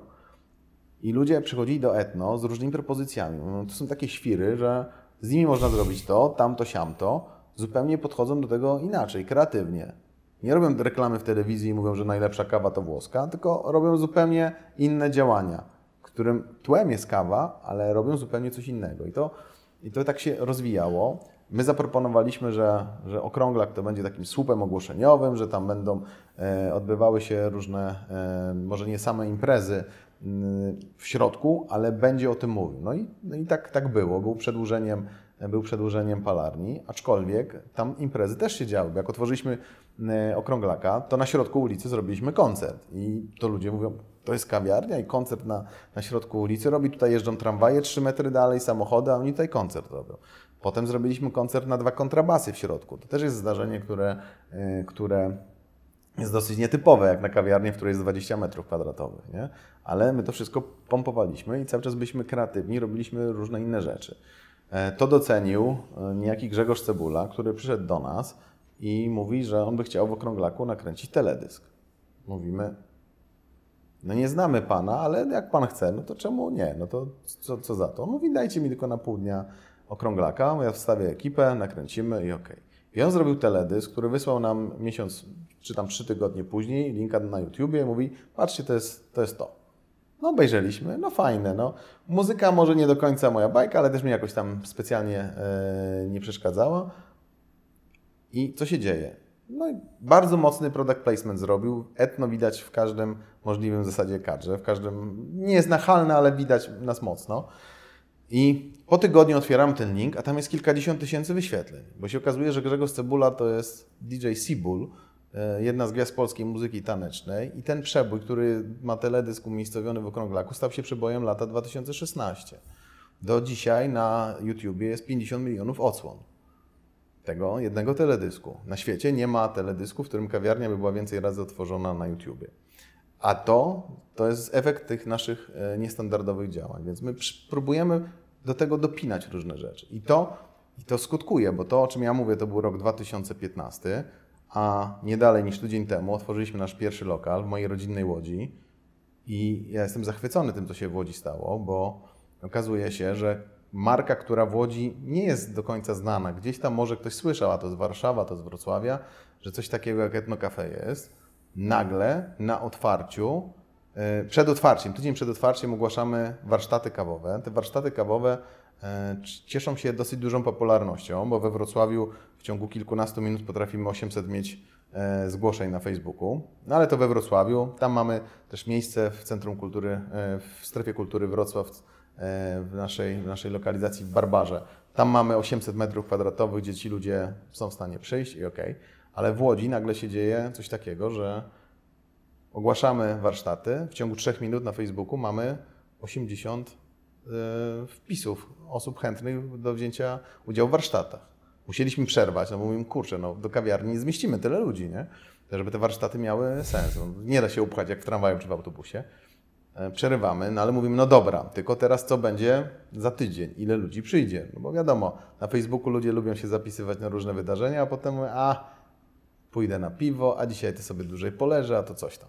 A tu nagle 75 osób pojawia się na warsztatach i mamy pełną kawiarnię. I my jesteśmy w totalnym szoku, bo wchodzimy do nowego miasta, nie, jesteśmy, nie mamy takiej historii jak we Wrocławiu, a to miasto ma mega fajny e, feedback dla nas. I ci ludzie cały czas przychodzą do nas i my wiemy, że, że my postawiliśmy wysoko poprzeczkę i my teraz nie możemy jej e, obniżyć, więc my musimy tam mocno stymulować e, tą, tą kawiarnię, żeby tam cały czas działy się jakieś fajne rzeczy, więc pewnie jak Sofar zrobimy w Łodzi, to może się ona, u nas odbędzie, więc takie nietypowe bardzo podejścia, łączenie rzeczy pozornie, pozornie, które nie da się razem skleić, prawda? Bo bo jakbyśmy pomyśleli, no co może być w kawiarni? No ciastko, tak? No a to w kawiarni może być wiele innych rzeczy, że kawa może być sobie tylko tłem, natomiast my tak naprawdę kreujemy jakiś, e, jakiś lifestyle, jakiś styl życia, jakiś rodzaj emocji i ludzie z tym nas kojarzą, a nie z tym, czy ta kawa jest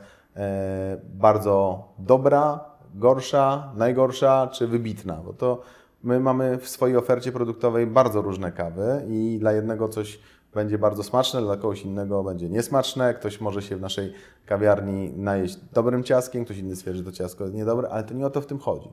Bo my próbujemy budować pewną społeczność, zarówno, e, zarówno wewnątrz firmy, pewną kulturę organizacyjną, jak i sprawiać, żeby ci ludzie przychodząc do etno, do kawiarni, wiedzieli, że dostaną jakiś standard. To ten standard dotyczy zarówno przestrzeni, że są fajne przestrzenie, z, z, dużym światłem, z dużymi przeszkleniami, e, z fajnym designem, ale też dostaną dobrą kawę, dobre produkty i dużo rzeczy, które co jakiś czas się dzieją.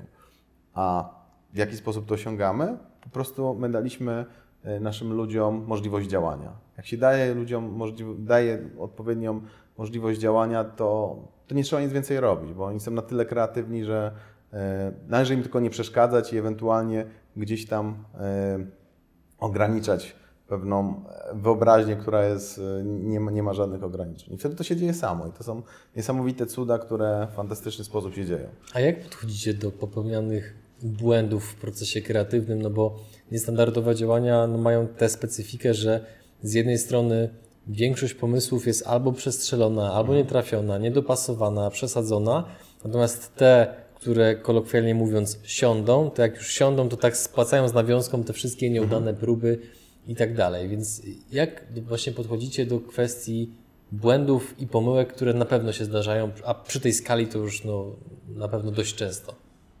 Wyciągamy z nich wnioski i staramy się ich nie popełniać, a jeżeli coś nie zadziałało, to mówimy, no nie zadziałało, więc więcej tego raczej nie będziemy robić, albo zastanawiamy się, dlaczego nie zadziałało. Bo często jest też tak, że jakiś pomysł może być fajny, ale nie zadziałał, bo na przykład był źle przygotowany, nie? Mhm. Bo y, mamy taki, y, taką sytuację, na przykład y, też powiem o, o, Łodzi, o naszej kawiarni Jednorożec, bo przystaje jednorożców w Łodzi. Właśnie, my mamy jednorożca. Jako, jako pierwsza firma w, w Polsce jesteśmy jednorożcem, albo przynajmniej mamy jednorożce, mamy taką kawiarnię. Natomiast co chciałem powiedzieć, że E, trzy lata temu, jako, jako pierwsi w Polsce, doprowadziliśmy do premiery filmowej, premiery kinowej takiego bardzo fajnego filmu dokumentalnego o kawie, który nazywa się A Film About Coffee. E, film jest bardzo fajny, można go znaleźć i na YouTubie chyba, i na Vimeo. Natomiast w kinie on był w Polsce przed 2016 rokiem, on miał premierę chyba w 2015, nie wyświetlany ani razu. Ja napisałem do producentów, kiedy będzie wyświetlony w Polsce. Oni odpowiedzieli, nie wiadomo, bo nie ma nikogo chętnego, nikt się nie zgłosił. Ja mówię, to ja się zgłaszam. Jak to? Ja mówię, no tak to. Mamy taką firmę kawową chcielibyśmy doprowadzić do tego, żeby premiera kinowa w Polsce miała miejsce. No dobra, no ale tam się zaczęły schody, bo zaczęły się jakieś tam terminy, e, terminologia e, ze świata filmu. Ja nie do końca byłem w stanie na wszystkie ich pytania odpowiedzieć, ale w związku z tym, że my mocno działamy e, z, ze światem kultury i sztuki, a zwłaszcza z Wrocławską Fundacją Filmową, to zaprosiłem Pawła Kosunia, czyli szefa tej fundacji, żeby pomógł mi w rozmowach. No i nagle Paweł to wszystko pociągnął, razem zrobiliśmy premierę filmową i się okazało, że na premierę, na premierę kinową E, która miała miejsce dokładnie 3 e, lata temu, w kwietniu 2016 roku. Tydzień przed, e, tydzień przed seansem nie było miejsc. Największa sala w kinie Nowe Horyzonty, czyli w tym kinie, gdzie się odbywa festiwal Nowe Horyzonty, wielkie kino, bardzo fajne zresztą, nie ma miejsc, bo my to też obudowaliśmy, to nie był tylko seans kinowy, ale my obudowaliśmy to wieloma rzeczami, a mianowicie warsztatami kawowymi, były różne stanowiska z kawą, nasi ludzie opowiadali a to o zielonej kawie, a to o krajach pochodzenia, a to o procesie palenia, ktoś inny robił latte czyli te wzorki na, yy, na kawach z mlekiem. No i ludziom się to strasznie podobało. Co więcej, okazało się, że dwóch naszych pracowników, przynajmniej ja o tylu wiem, być może jest ich więcej, zgłosiło się do nas do pracy właśnie po tym całym evencie. Bo im się tak to spodobało, że oni stwierdzili, że oni chcą wetno pracować. No i przyszli do nas. No i to było wszystko fajne. No to mówimy, skoro film About Coffee tak fajnie działa, ten film potem jeszcze był wyświetlany e, po całej Polsce, ale to już nie my robiliśmy, tylko e, taka e, fundacja Film for Foods i to, to też była bardzo fajna, fajny cykl. Natomiast my stwierdziliśmy, że w jednorożcu zrobimy to samo. No i dzień, dzień otwarcia kawiarni, wieczorem przygotowaliśmy E, imprezę gdzieś tam, nie, nie, nie za bardzo ją wypromowaliśmy na Facebooku. Stwierdziliśmy, że ludzie sami przyjdą. Jak zobaczą, że gdzieś tam rzuciliśmy informację, a film about coffee, to będzie pełno. My się przygotowaliśmy, zamknęliśmy kawiarnię o godzinie 18, puściliśmy rzutnik, bla bla bla, wszystko. Paweł y, z Wrocławskiej Fundacji Filmowej jako dystrybutor też był obecny na tym y, seansie i nagle się okazało, że przyszło 5 osób, czy 10 bo po prostu nie zadbaliśmy o szczegóły. Nie zadbaliśmy o odpowiednią promocję tego wydarzenia, nie zadbaliśmy o to, żeby w odpowiedni sposób się przygotować i tak dalej, i tak dalej. Czyli coś, co miało ogromny potencjał, przez to, że my to źle przygotowaliśmy, nie wypaliło. No i teraz pytanie, czy to po prostu było złe samo w sobie, czy tylko wynikało z naszych błędów? Raczej wynikało z naszych błędów. Z tego, że stwierdziliśmy, że eh, samo pójdzie. Poszło raz, poszło w kinie, to w kawiarni tym bardziej pójdzie. No nie, bo to jest zupełnie inny e, odbiorca, zupełnie inne miejsce, więc trzeba to inaczej przygotować. A tego nie zrobiliśmy. Skąd w DNA Waszej firmy takie podejście do niestandardowego marketingu? Zwłaszcza, że przepraszam, że tutaj patrzę trochę może przez pryzmat stereotypów, ale no kurczę, jesteś prawnikiem, a opowiadasz o tak ciekawych rzeczach, o tak, tak ciekawych działaniach marketingowych, których nie powstydziłaby się żadna inna firma w Polsce. Więc skąd to, to w waszym DNA? To jakby to jest kwestia wspólników, czy jakichś okoliczności, czy bardziej twoja? E, z jednej strony na pewno ja e, jestem jakimś kreatorem takim, że pozwalam ludziom e, sam, samemu różne rzeczy rozwijać. Czyli ja rzucam jakiś pomysł, zaczynam go, ale potem daję ludziom działać. Albo wręcz przeciwnie, bo, ja, bo potem ludzie sami przychodzą z takimi pomysłami. Bo jakieś tam wiedzą, że mogą. Tak, tak, bo oni wiedzą, że mogą i przychodzą ewentualnie się e, poradzić, czy, czy to jest dobrze przemyślane, czy gdzieś nie uciekamy za daleko w niefajną jakąś stronę. I tak naprawdę to, to jest wszystko oddanie dużej wolności e, w decydowaniu o różnych rzeczach ludziom. To, to nie ja jestem taki świetny, to ja tylko mam świetnych ludzi, dzięki z którymi możemy współpracować. Ja mogę tylko stworzyć taką e, atmosferę, żeby ludzie chcieli ze mną pracować, a potem, żeby z tymi ludźmi chcieli kolejni pracować i to potem e, pączkuje. Natomiast moim zadaniem jest sprawić, żeby ludziom się chciało, żeby byli kreatywni i żeby czuli, że, że nikt ich za to nie skrzyczy, nie uderzy w ręce za to, że zrobili coś nie tak, tylko czuli, że mają prawo do popełniania błędów, że nawet jeżeli coś było zrobione i nie wyszło, to raczej trzeba się zastanowić, dlaczego nie wyszło, a nie mieć pretensje do kogoś, że przecież można było to lepiej zrobić, a tego nie zrobiliśmy. Raczej wyciągajmy wnioski, ale daj, dajmy, dajmy ludziom wolność, bo naprawdę ludzie chcą tworzyć różne rzeczy. Jak dajemy ludziom możliwości do tworzenia takich rzeczy, to będą je tworzyć. I to jest dosyć proste. Bo potem są z nich dumni. To generuje wspomnienia, dobre historie, tak. ciekawe opowieści. Dokładnie tak. I, I, to jest też potem taki e, pewien powód do dumy, że się pracuje w takiej, a nie innej firmie. No bo z jednej strony można pracować w jakimś fast foodzie i mówić, że się pracuje w fast foodzie, albo z drugiej strony można pracować w gastronomii takiej, jaka, jaką my, my też jesteśmy częścią gastronomii, ale mhm. być dumnym z tego, że się, że się pracuje w naszej firmie. Nie wiem, czy każdy jest dumny e, z tego, że pracuje u nas, ale chciałbym, żeby tak było i ja staram się tworzyć takie warunki. A jakie wyzwania i problemy zaskoczyły Cię po drodze przy budowaniu firmy w takiej skali, zwłaszcza pod kątem liczby pracowników? E, myślę, że największym problemem w Polsce to jest dostęp do kapitału. To jest czynnik zupełnie nieludzki, bo ludźmi można zarządzać, ludzie są tacy, którzy, którzy dobrze będą z nami współpracowali, tacy, którzy nie, tacy. Poza tym to jest tak, że jak rozwijamy firmę, to ludzie, którzy z nami wystartowali na etapie tego przysłowiowego garażu, niekoniecznie odnajdą się potem w fazie rozwoju. I odwrotnie, ci, którzy od świetnie się odnajdują już w lepiej zorganizowanej firmie, niekoniecznie dobrze by się znaleźli na etapie garażu. Więc tak naprawdę ja, ja ja, y, wspólnicy, wszyscy ci, którzy tworzą od początku firmę, musimy się adaptować do tego, jak się rozwijamy. Więc ja teraz potrzebuję zupełnie innych kompetencji niż potrzebowałem na początku naszej, y, naszej firmy. Nie? Na początku ja potrzebowałem bardzo dużo wiedzy kawowej, ja ją cały czas uzupełniam, więc to nie jest tak, że ja jestem prawnikiem, który nic nie wie o kawie. Nie, ja wiem bardzo dużo o kawie i ja to cały czas uzupełniam, cały czas czytam y, różnego rodzaju nowinki, zarówno z, ze świata kawy, jak i z, z rynków kawowych. Jak nie dalej niż w ostatni weekend były Mistrzostwa Świata Baristów w Bostonie, to ja to obserwowałem. Jeden z Polaków zajął piąte miejsce, Wojtek Białczak, natomiast wygrała Koreanka. E, druga kobieta z rzędu, bo pierwszą kobietą w zeszłym roku była Agnieszka Rojewska, Polka. Pierwsza Polka i pierwsza kobieta, która wygrała Mistrzostwa Świata Baristów. No to ja wiem, o czym mówię, więc to nie jest tak, że y, ja zapominam, że to trzeba mhm. uzupełniać, bo to jest po prostu fajne, że, że można to uzupełniać. Natomiast e, fazy rozwoju przedsiębiorstwa sprawiają, że my musimy mieć różne kompetencje na różnym etapie i dobierać sobie ludźmi, ludzi z, innymi, z różnymi kompetencjami. I teraz tak, mamy takich ludzi, którzy zaczynali z nami przygodę i oni się rozwinęli razem z firmą i oni teraz robią zupełnie inne rzeczy niż robili na początku. Ale mamy też takich, którzy się wykruszyli, powiedzieli nie, to idzie nie w tę stronę, ja nie chcę w czymś takim pracować, a ktoś inny przychodzi i mówi fajnie, bo to się dopiero tworzy, to nie jest gotowa firma, tylko ją się buduje, ja chcę być częścią tego. E, I i tak naprawdę to sobie e, musimy robić cały czas miejsce do tego, żeby grupa ludzi, z którą pracujemy, była adekwatna do tego etapu, e, w którym jesteśmy.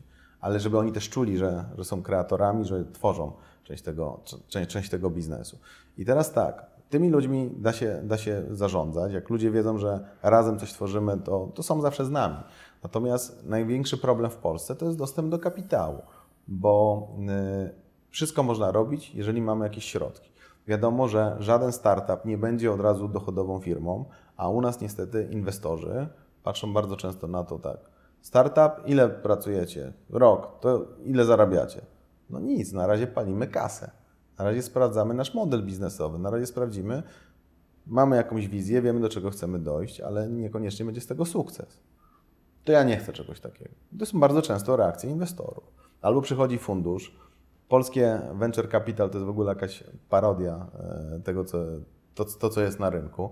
Oczywiście też generalizuję, bo jest kilka funduszy, które rzeczywiście myślą takimi standardami e, zachodnioeuropejskimi, amerykańskimi, azjatyckimi. Ale bardzo często jest tak, że przychodzi jakiś, jakiś fundusz inwestycyjny do startupu, chciałby, żeby on był rentowny, a jeżeli nie jest rentowny, to chciałby mieć nie wiadomo jakie zwroty i najlepiej, żeby e, minimalizować ryzyko. E, na ostatnim, a zresztą nie będę mówił na jakiej konferencji, mój kolega, który ma dosyć, dosyć przełomowe rozwiązanie w zakresie blockchaina, e, rozmawiał z inwestorami i co jest najlepsze, że nikt go nie zapytał, ile to może zysków e, przynieść, tylko każdy go pytał o ryzyka. On mówi, ani razu nie dostałem pytania o o, o to, ile my z tego możemy mieć, jak ta firma może być wyskalowana, jak to rozwiązanie, które jest objęte ochroną patentową, może się wyskalować. Tylko wszyscy mówią, no dobra, a ile można stracić? I tylko takie podejście jest. Więc z tym wiele osób, niezależnie czy zaczynają od pizzerii, czy od przełomowego e, rozwiązania w zakresie blockchaina, muszą się, e, muszą się walczyć. Ja pamiętam, jak Rafał Han z Silvera kiedyś, bo w zeszłym roku opowiadał o tym w Forbesie, że polscy inwestorzy mają problem z tym, że bardzo często zamiast komórek szarych włączają mi się komórki Excela tylko i wyłącznie. No i niestety ja muszę to potwierdzić. I co więcej, ilekroć rozmawiam z różnymi ludźmi, którzy, e, którzy walczą tak naprawdę o przetrwanie swoich startupów, to spotykają to samo. Jak weźmiemy sobie podcast, zresztą bardzo fajny, e, między Michałem Sadowskim a Michałem Szafrańskim, E, i Sadek opowiada o tym, jak Brand24. Kto by pomyślał, że Brand24 mógł być na, naprawdę na skraju już e, doprowadzony do muru, gdzie Michał szukał inwestorów, którzy po prostu pomogą przetrwać tej, tej firmie, bo on w nią wierzył, że, ona, e, że to będzie świetny produkt, to nikt nie był tym zainteresowany. Ale teraz pewnie każdy by przyszedł do Brand24 i powiedział, o fajna firma, teraz to byśmy zainwestowali.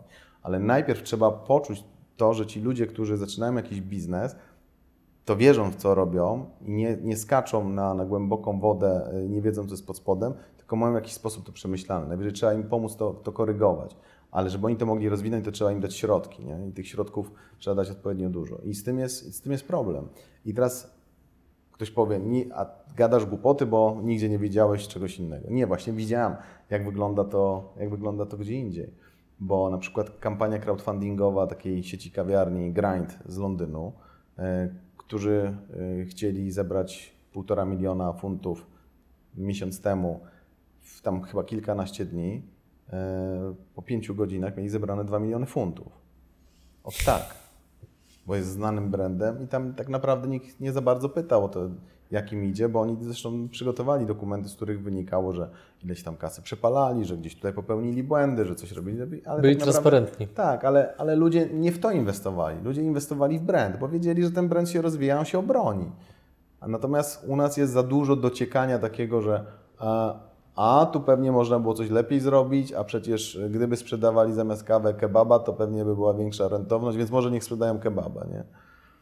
I, I, naprawdę z tym, jest, z, tym jest, z tym jest duży problem. Ja tylko wierzę, że to jest e, pewna cecha rynku bardzo młodego. Bo jak my, my się porównujemy do UK, no to w UK ten kapitał to jest nie kilkudziesięcioletni, tylko kilkusetletni.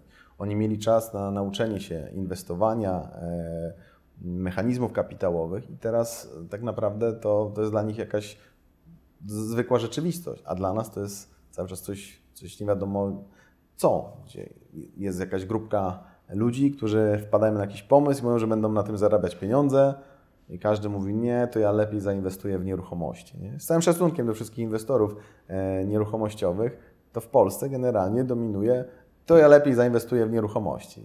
W biznes to może niekoniecznie, bo może im nie wyjdzie, a nieruchomość to przynajmniej będzie stała, nie? więc to tak trochę wygląda. Więc y, dla mnie i to jest, e, to jest rzecz, o, którą, o której coraz częściej się mówi, ale w kuluarach się ją bardzo często spotyka, że jednak ten kapitał jest cały czas za mały, a mało tego, jeszcze nasz regulator ciągle podkłada jakieś e, kolejne regulacje, które ograniczają możliwości inwestycyjne. I potem jak się udajemy gdzieś na zachód, widzimy jak, jak tam to e, wygląda, jak działa mechanizm kapitałowy, jak trwają rozmowy z, z inwestorami, to tam, tam się rozmawia o pewnych ideach, o tym, co ludzie chcą zmienić w świecie, a nie o pieniądzach, bo oni wszyscy uważają, nie, pieniądze to jest rzecz drugorzędna. Jak będzie fajna idea, to my w to włożymy. A u nas najpierw zaczyna właśnie rozmowa od tego, ile ja mogę z tego wyciągnąć, nie? czyli te komórki Excela zamiast komórek szarych. To jest, myślę, że na największa przeszkoda, ale ona się i tak będzie zmieniała, bo jest zbyt dużo na rynku młodych, prężnych ludzi, którzy chcą, chcą coś zmieniać pomimo wszystkich przeciwności i to, i to będą zmieniali, tylko potrzeba czasu. Zbliżając się powoli do końca, mówiły jaskółki, że niedobre są spółki.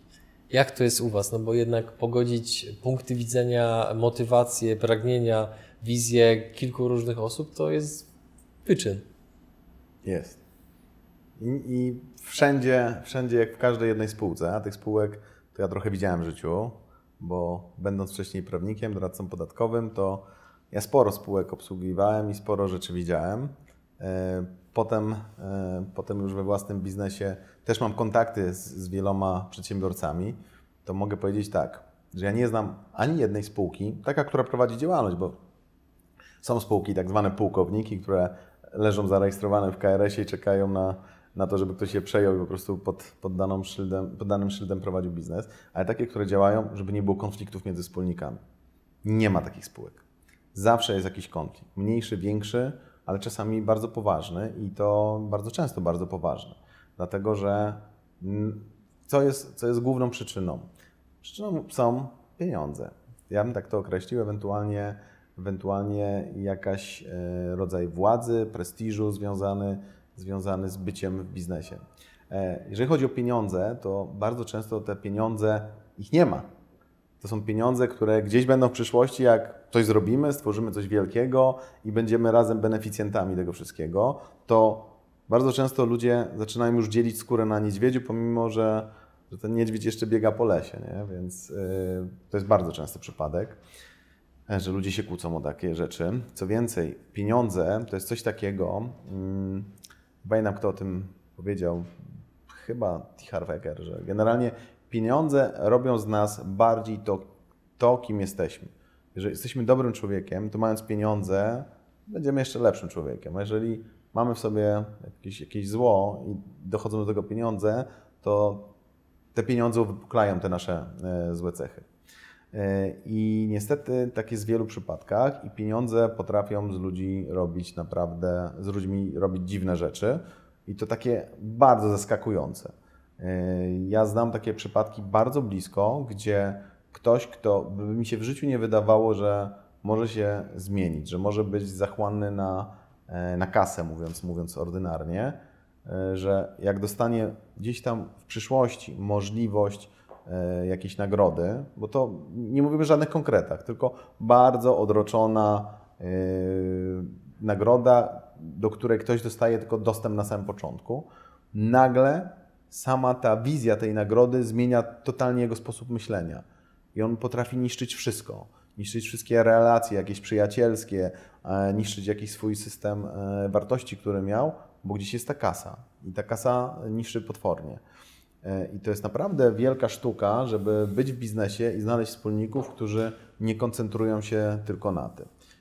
Ja nie mam na to gotowej recepty, bo to jest to dopiero weryfikuje życie, to czy z kimś jesteśmy w dobrej spółce, dobrze, dobrze się mamy, czy nie. E, my zaczynaliśmy w cztery osoby. W tej chwili z tych pierwszych czterech osób jestem ja z Tomkiem.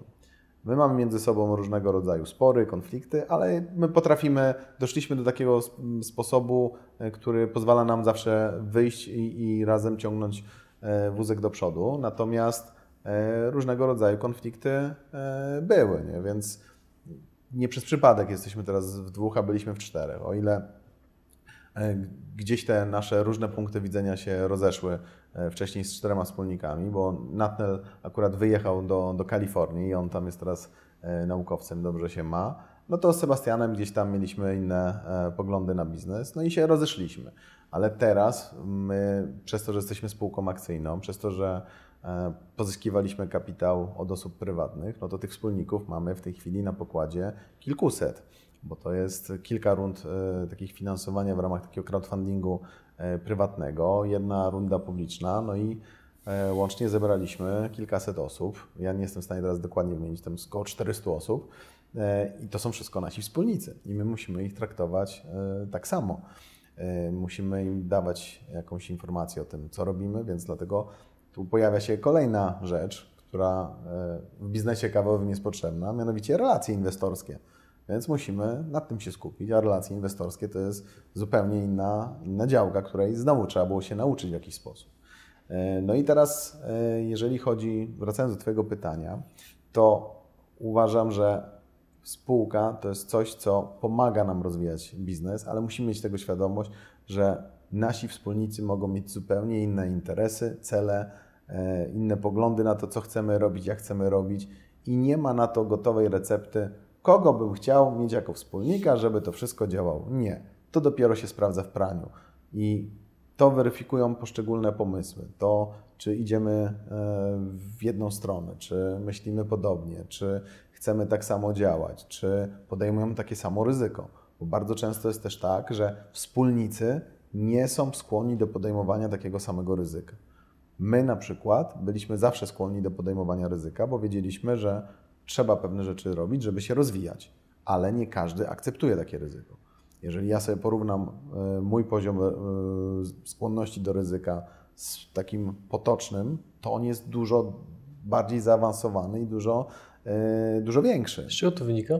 Z czego to wynika? Z tego, że ja przekroczyłem już tyle Rubikonów, że wiem, że trzeba czasami tą rzekę przekraczać po to, żeby sprawdzić, jakie, jakie rzeczy dzieją się dalej. A czasami ryzyko się po prostu opłaca, że gdybym nie porzucił, e, gdybym nie skorzystał z tej pierwszej, gdybyśmy nie skorzystali, nie, nie tylko ja sam, z tej pierwszej sposobności do tego, żeby importować kawę z Etiopii, gdy Natnel się pojawił w Polsce, no to, to też było ryzyko, no bo jak ktoś słyszał, że co kawę importować z Etiopii, co będziecie robić? A, a tą kasę to jak wy tam wyślecie tym ludziom? No są jakieś sposoby, więc trzeba je sprawdzić ale ja to bym się bał, bo bałbym się, że przepadnie. No okej, okay. ale jeżeli nie zaryzykujemy tego pierwszego kroku, to nie będzie kolejny. Ale potem się pojawiają kolejne kroki, które trzeba zrobić i one są ryzykowne i to znowu trzeba e, się z nimi mierzyć. I to są bardzo różne, bo czasami są to jakieś konflikty z innymi spółkami, z, ze wspólnikami, e, jakieś podejścia do biznesu, nie wiem, zaciągnięcie długu, My przez wiele lat, my teraz wychodzimy z, z okresu finansowania się długiem, ale przez wiele lat bardzo mocno ryzykowaliśmy, właśnie finansując się a to jakimiś pożyczkami, a to obligacjami, a to innymi wekslami inwestycyjnymi. I to sprawiało, że jak ktoś na to patrzył, to mówił: Ej, to, to nie można tak tego finansować, to jest zbyt niebezpieczne. No, ale my podjęliśmy to ryzyko i pokazaliśmy, że przez pewien czas to jest dobre rozwiązanie, bo nie ma innych, a potem to trzeba rozwiązanie ulepszać. Więc teraz my odchodzimy od długu i wolimy mieć inwestorów kapitałowych, którzy umożliwiają nam y, zupełnie inny rozwój. Ale trzeba było podjąć to ryzyko. Ale nie każdy jest skłonny. No i teraz jak sobie dobieramy, dobieramy wspólników, no to oni muszą mieć podobny sposób myślenia, bo jeżeli e, ty jesteś skłonny do tego, żeby, nie wiem, bańkę długu zaciągnąć w formie obligacji, a twój wspólnik nie jest, e, nie jest skłonny do takiego ryzyka, to gwarantuję ci, że za, za jakiś czas będzie ci wypominał, że ty zaciągnąłeś taki dług. I niezależnie, czy to będzie szło dobrze, czy nie, to będzie mówił, nie, wiesz, ale bańka wisi na nas, więc trzeba na to uważać. Więc taki światopogląd trzeba przynajmniej sobie uwspólnić w, w gronie wspólników, żeby mieć po, podobne, podobne podejście do tego. Ja mam taki komfort, że ja mam takiego akurat wspólnika, z którym mogę e, podobnie, podobne ryzyka podejmować, ale nie każdy ma ten komfort. Poza tym od nas też są dużo więksi jeszcze ryzykanci, którzy już nie patrzą e, na, na nic e, i po prostu jakieś inne rzeczy e, mają do osiągnięcia i są skłonni do takiego czy innego ryzyka.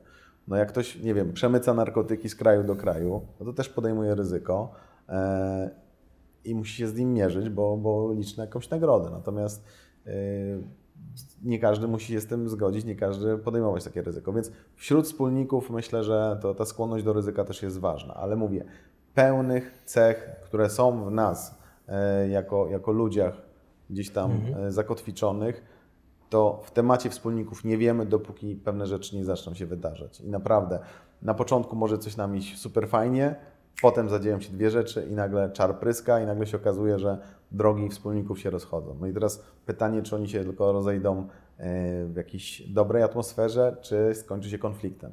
Niestety bardzo często kończy się konfliktem i takie rzeczy muszą być już przez prawników załatwiane, czego nikomu nie życzę. Ale taka jest rzeczywistość, więc to, to też jest element przedsiębiorczości, element prowadzenia biznesu. Łukasz, dziękuję Ci za tę rozmowę, za poświęcony czas, za masę przydatnych informacji i trzymam kciuki i życzę z całego serca, żeby te tysiąc kawiarni, a może dziesięć tysięcy kawiarni, bo kto wie, cele się zmieniają w czasie, jak sam hmm. powiedziałeś, żeby stało się faktem. Dziękuję bardzo, bardzo było mi przyjemnie porozmawiać z Tobą o tym, co dotyczy naszego biznesu, mnie i biznesu w ogóle. Dzięki. Dzięki wielkie.